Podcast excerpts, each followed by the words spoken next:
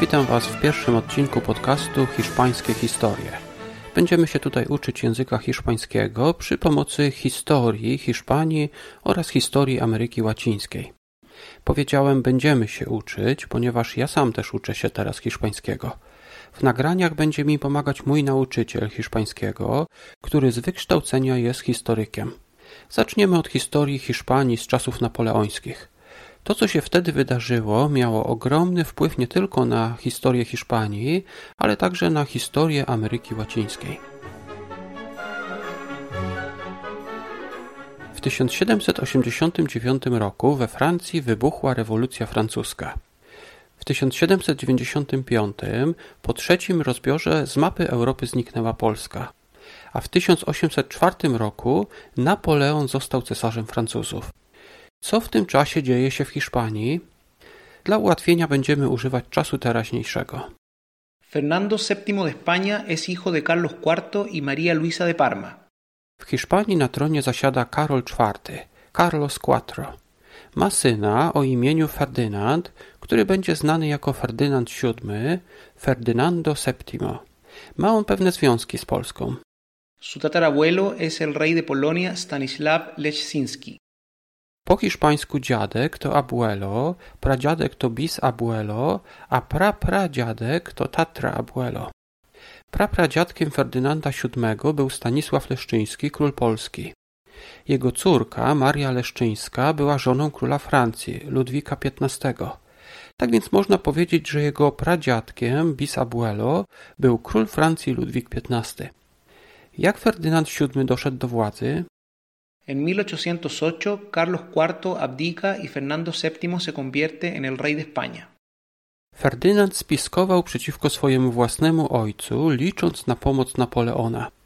Ostatecznie w 1808 roku Karol IV abdykuje i królem zostaje Ferdynand VII. Miał on bardzo dobre stosunki z Napoleonem. Tak mu się przynajmniej wydawało. Él piensa que Napoleón es su amigo, On myśli, że Napoleon jest jego przyjacielem. pero Napoleón lo obliga a abdicar y convertir a su hermano José, el rey intruso, en rey de España. Ale Napoleon zmusza go do abdykacji i królem Hiszpanii robi swojego brata, Józefa Bonaparte. Hiszpanie tego nowego króla, Józefa Bonaparte, nazywają królem intruzem, El Rey Intruso. Działo się to wszystko w 1808 roku. Ferdynand VII został wtedy królem, potem stracił władzę na rzecz Józefa, brata Napoleona. Los soldados polacos ayudan a Napoleón en sus conquistas. W armii Napoleona byli także Polacy, którzy pomagali mu w jego podbojach. Por ejemplo, ganan la batalla de Somosierra en 1808 Na przykład Polacy pomogli Napoleonowi wygrać bitwę pod Samosierą. Jest możliwe, że bez tej wygranej Napoleon nie podbiłby Hiszpanii. A tak cała Hiszpania wpadła w jego ręce. Cała z wyjątkiem miasta Kadyks, które znajduje się na półwyspie. Kadyks po hiszpańsku to Cadiz.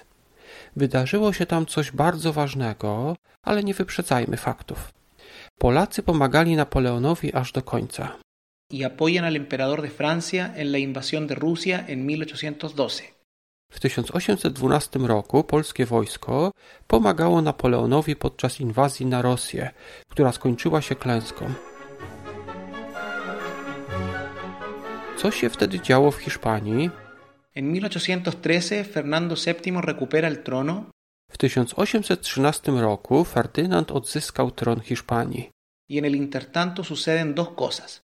W międzyczasie, wcześniej, wydarzyły się jednak dwie ważne rzeczy.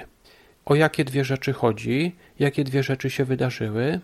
A partir de 1810, muchos países de América inician sus procesos de independencia Ferdynand był w niewoli od 1808 roku do 1813. W tym czasie, w roku 1810, w wielu krajach Ameryki Łacińskiej powstały miejscowe rządy. W taki sposób rozpoczął się proces zdobywania przez te kraje niepodległości. Ale w 1812 wydarzyło się coś dużo ważniejszego. y en 1812 diputados de España y América crean la Constitución Política de la Monarquía Española, más conocida como la Constitución de Cádiz o simplemente como la PEPA. My Polacy mamy swoją konstytucję 3 maja, a Hiszpanie i Latynosi konstytucję z Kadyksu, którą też się nazywa La Pepa. W 1812 roku cała Hiszpania była jeszcze w rękach Francuzów. Nie zdobyli oni jednak półwyspu, na którym znajduje się miasto Kadyks. Tam spotkali się posłowie hiszpańscy oraz posłowie z Ameryki Łacińskiej. Razem uchwalili konstytucję, znaną jako La Constitución de Cádiz lub po prostu jako La Pepa. Co Ferdynand myślał o tej konstytucji? Esta constitución limita el poder del rey y Fernando. Ta konstytucja ograniczała władzę króla Ferdynanda. Naturalmente decide derogarla, reinstaurando así el absolutismo. Naturalnie to jemu się nie spodobało i postanowił wrócić do władzy absolutnej. Zauważcie, że konstytucję uchwalili nie tylko posłowie z Hiszpanii, ale także z Ameryki Łacińskiej.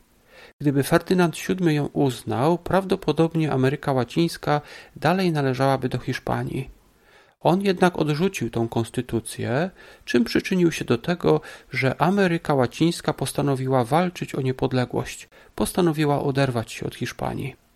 To jest jednak dużo dłuższa historia i wymaga co najmniej kilku audycji.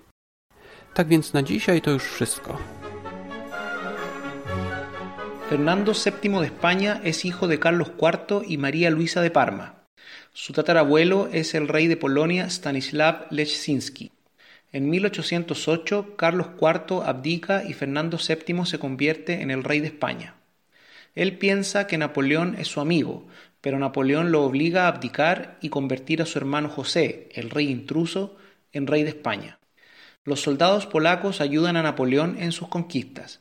Por ejemplo, ganan la batalla de Somosierra en 1808 y apoyan al emperador de Francia en la invasión de Rusia en 1812. En 1813 Fernando VII recupera el trono y en el intertanto suceden dos cosas.